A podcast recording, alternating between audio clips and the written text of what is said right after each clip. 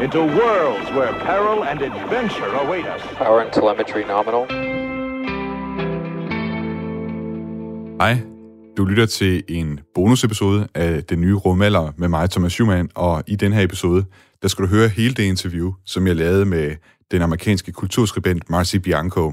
Marcy Bianco, hun fik mig helt op i det røde felt, da hun tilbage i 2018 skrev en artikel, hvor hun sagde, at rumfart, folk som Elon Musk og virksomheder som SpaceX, og for så vidt også sådan en rumfart-nørd som mig, at de tanker, vi har om, og de drømme og forestillinger, vi har os om, at mennesket en dag tager ud og bor på andre planeter, tager ud og bor på Mars, at det i virkeligheden er udtryk for en patriarkalsk impuls, som svarer til de fejltagelser, der er begået i historiens løb med kolonimagter, der er taget ud og slået indfødte ihjel og voldtaget og jævnet den naturlige skønhed med jorden.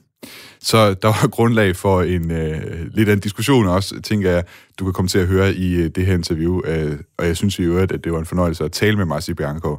Så du får altså hele min snak med hende her. Power and telemetry nominal. Could you could you take us back and and and explain why why you found it necessary to write on this topic and, and share your opinion? Right. Well, thank you once again for taking time to speak with me about this. It's this article is a few. What is it? It was written in 2018, so it's almost three years ago now. Um, but I feel like the issues are becoming increasingly relevant as space exploration uh, becomes more prevalent, uh, not just in America but around the world. And at the time, uh, really, what incited this piece to be written on my behalf was yes the the news hook of you know the image of um, the spaceman in the car and Elon Musk really um, at that time beginning to take his company into public and and advertise what this company's promise was. But coincidentally what happened at the beginning of the month so I wrote this towards the end of February in 2018 the beginning of the month I, by chance, had lunch with Buzz Aldrin, which was completely random. I happened to be in Los Angeles meeting a friend, and she was a friend of his and asked me to join her. And it was a wonderful experience meeting this acclaimed astronaut. Uh, and of course, he loved to talk about space, about his time in space, about travel. And the language that he used really um, piqued my curiosity because he made it a point to say we cannot say colonization, but we have to use, we can't say that we are colonizing space, but that we have to use different language, different language of migration. And I thought, to me, that signaled that there's an awareness, even with, uh, whether it's NASA or I know that he had mentioned he was talking to private companies uh, like the one uh, run by Elon Musk, that when this space travel is happening or exploration is happening, it cannot be conceived of as colonization. And the connotations of colonizations where was aware was sorry was even aware to to people doing this kind of work. So that that conversation in and of itself kind of raised my raised my curiosity and made me think about why this exploration is happening. What is the mission? Uh, what is the objective and end game? And I started to piece together different elements. And on the subject of colonization, it really resonated with, I think, an extreme value difference between what I see are more feminist ethics um, and those that are not. And so that's what I tried to articulate in this. I mean, it's a short, you know, kind of catchy news piece, but that's what I was trying to unravel a bit in this article. So, so just um, so I, understand completely, is this is your argument? Is it more uh, on the lines of, of the language we use? I mean, uh, the Europeans they could also have said they have said that they migrated to uh, to North America, but the problems would still have been the same. Is it a, is it a question of language, or is it is there something also about the subject matter uh, essentially of of uh, men like uh, Elon Musk sending people to to Mars. Right. So it is not just about the language choice. It's more than the language, but the language itself holds particular meaning. And the language of colonization is the language of supremacy.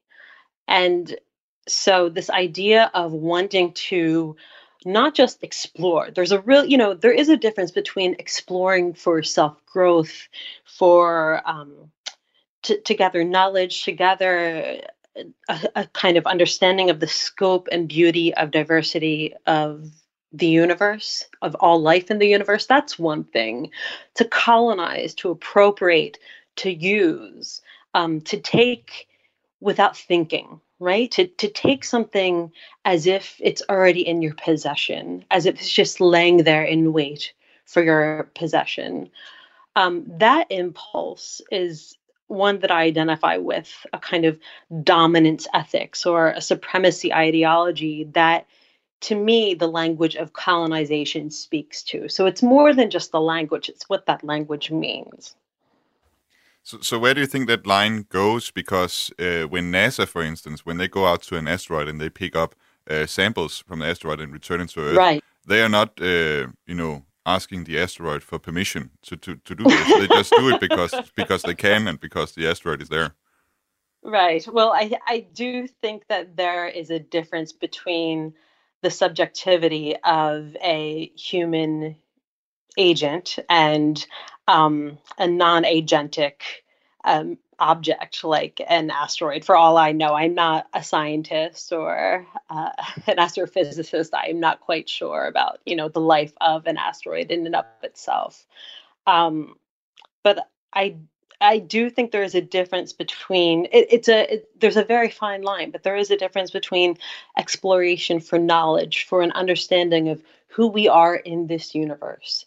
That is very different than saying I have this company where I'm going to quote unquote, um, you know, make humanity multiplanetary at the same time that the earth seems to be burning. We're in the middle of a pandemic. Now we are, uh, not in 2018, of this scale at any rate.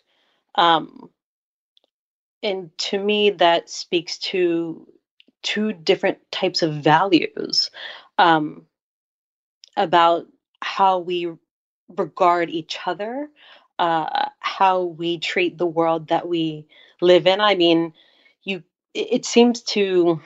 I, I would question the logic of wanting to make humanity multiplanetary when we cannot seem to even make it work on one single planet without further destroying the planet that we live on. Um, so that's that's my critique. That is I'm teasing out the difference of values and how the shortcomings I feel that are associated with a more kind of dominance or supremacist supremacist ideology um, really shortchange people at the margins, women, LGBT people, black and brown people, indigenous people, people who have been taken from, people who have been oppressed and exploited and that's what i'm trying to work out that's what i was trying to work out in this article. I think uh, maybe my, my thought uh, when i when i read the piece was that um, I, I i think i, I sort of uh, view it that there, there, might be some sort of uh, flaw of logic to say that because colonization of uh, you know what has happened on earth uh, in the past with colonization um, that had uh, huge uh, detriments to to people here on Earth, that that will necessarily repeat itself uh, on Mars. Um, isn't I, I think that's a sort of a flaw of logic because Mars is such a different mm-hmm. place, and you don't have, uh, as I said before, also with the asteroid, you, you don't have Native Americans uh, living on Mars. Um, do, do you do, do you buy that, or, or, or how would you argue that that mm. um, how I, do you view that? So I see what you're I see the parallel that that you're situating. It's the parallel of Earth to Mars. For me, it's not the parallel of objects or of the kind of spatial context per se, but it's the the same impulse. The same impulse to usurp, to take without accountability, to use as one desires. And who knows what will become of Mars or any other planet after the fact. So it's that impulse that I'm critiquing, but also in and of itself, what's more important to me as as a feminist is thinking about, and again, people like Mr. Musk who are private citizens, these are companies, they can do what they want with their wealth, of course. But I think that there are two different types of values at play here, two different types of value systems. And what would it mean if we were to say espouse a more civil or civic minded ethics that really invested in the planet that we're living on right now, as opposed to just raising our hands and saying we're done with it and moving on and trying to find another uh, habitable planet. And that's a question that I have as well. Like, if we're just, are we done with it? Have we destroyed it and we cannot live here much longer? Are we just going to discard it after we've destroyed it and move on to someplace else? And so, again, my critique is the impulse and the pattern. It's not about saying that these are equal situations, that Mars is equal to Earth. It's more about the impulse and the values that the impulse connects to. Okay, let's uh, stay with the, the values because uh, how how at least I, I have understood the the reasoning uh, behind uh, Elon Musk and and the way he uh, um, sort of justifies going to Mars. It's one because um, there will be he views Earth as you know it, there is a limited time to to life on Earth. It's it's not doing it, it has nothing to do with the climate change necessarily or or the problems we're facing right now, but just looking at the sun and and the sun how it will heat up uh, over the next um, million years. Uh, eventually, it, it, will make uh-huh. uh, life or, or, make the Earth uninhabitable, and because we have the the uh, possibility now to to do something about it we should do it. That's his reasoning, at least. And then also, uh, also just the you know the the excitement of doing it is is also a value that he that he talks yeah. a lot about. Um, don't you think those are those are worthy goals or, or values at least? Um, to be quite, uh, I mean, again, Mr. Musk can have his own goals and his own values, and he's a private citizen, and he can do with his wealth as he wills. Um, Mars is within the same solar system as Earth, and so once the sun expands and heats up, it will also destroy everything within this solar system. So I don't know if that is a to me seems like a credible line of reasoning. But then the, the stars and, and and further out, I guess is the reason. it almost. I, I mean, science fiction and fantasy literature, of, of, of course, are the bases for, you know, the futures that we create. And I, of, of course, I would love to see um, what life would look like a thousand years from now. Uh, but in all, maybe it's because I'm a little bit of a pessimist and I am quite pragmatic, but I doubt that any of this will be feasible, even um, as Mars is uninhabitable as scientists have declared it thus far. But as for the excitement, um, again, I think that's entirely subjective. Uh, I don't find launching rockets exciting at all. so um, I, I feel like the the understanding of the excitement around creating that kind of cultural moment. I, I understand it from my vantage point, but it's not something that I myself necessarily find exciting, such that it justifies the exorbitant wealth being spent on uh, conducting such missions. You uh, also in your article you compare Elon Musk, Jeff Bezos, and Richard Branson to Christopher Columbus and uh, call them Trumpian. Why why do you think this? Uh, why do you why did you make this comparison and uh, and make these uh, name calling? well, that is not. I, I, have to be quite honest. This idea of Columbusing, uh, that is a popular term that's used um, in uh, at least American culture. This idea of saying that you've arrived at a destination and no one else has ever been there before, that you have settled it. Um, this Columbusing attitude of, again, just um, colonizing, pillaging, raping, destroying, and, and moving on after one has a, acquired the wealth that one um, wants. Um, so that is not my term, although I found it very uh, a nice kind of turn of phrase to use. Um, I think there's a, a, broader argument in mentioning these figureheads about the role of capitalism as it's connected to the kind of supremacist ideology and the values that affect with colonization that I articulate in the article. Um, and each of these figures are again launching missions into space as a as a new avenue for capital, um, as a new you know wealth venture. Um, so you know you can connect them in the, in that way. But to me, again, it's more about this attitude of use of gathering wealth and moving on without really holding oneself accountable to the consequences that are caused on the rest of humanity. That, you know, in some ways, these figureheads say that they desperately want to help. Uh, and I think that's very debatable.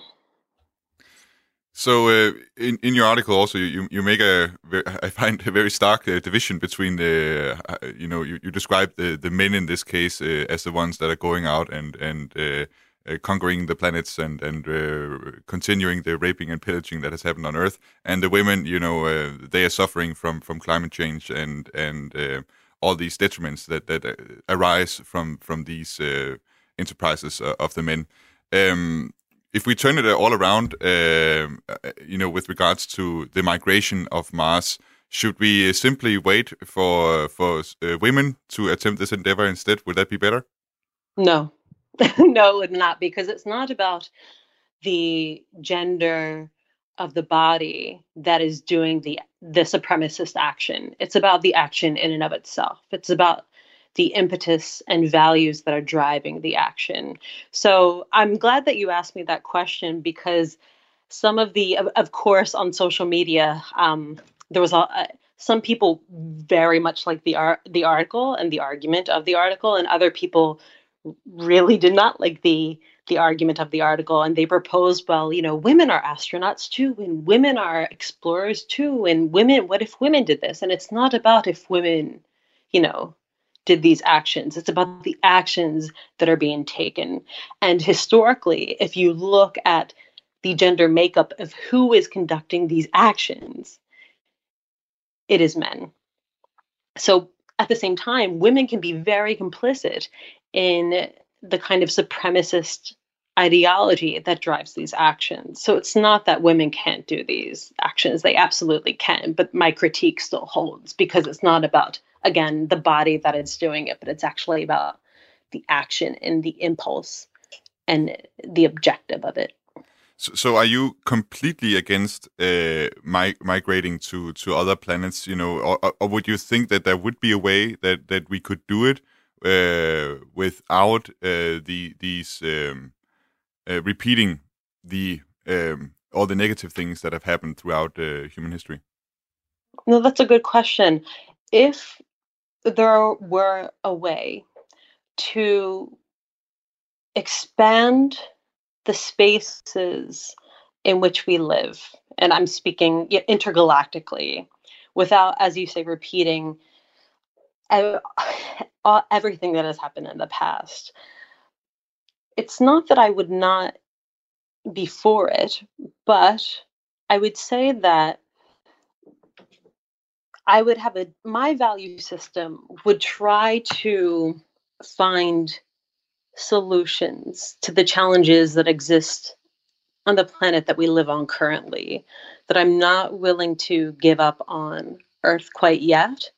Um, and I feel like a lot of people also uh, do not want to give up on the planet that we live on because it actually is the only planet that we can live on for the foreseeable future. Um, the United Nations has s- sustainable development goals that detail the 17 areas in which we need to actually help both the planet and each other.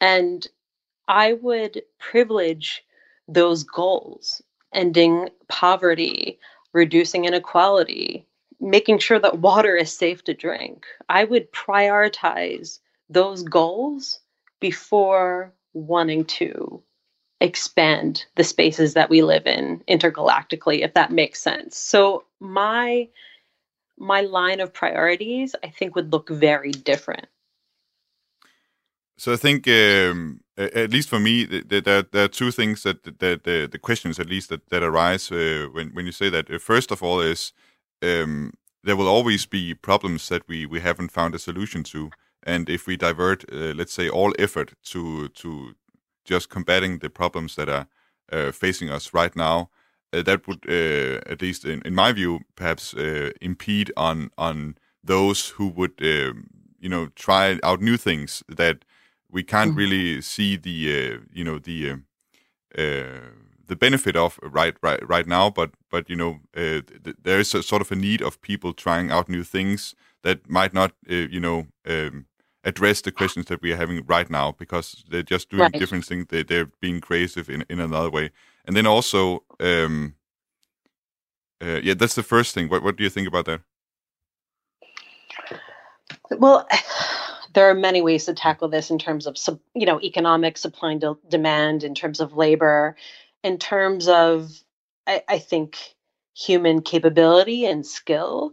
Um, i certainly would not want to deny people their intellectual or innovative capacities or inquiries to you know find knowledge and to seek knowledge for the betterment of humanity. But i I do, I would say my values are very much invested on solving the problems before us. Um, and you're right, these problems are not quick fi- fixes. They are systemic, they are historical. Um, and I mean, because we are human, it's, you know, these are not uh, fixable one time. Um, they might be continual mutating challenges. Um, again, the, eh, to me, it's almost like a question of supply, demand, and resources. Where do we want to place our attention?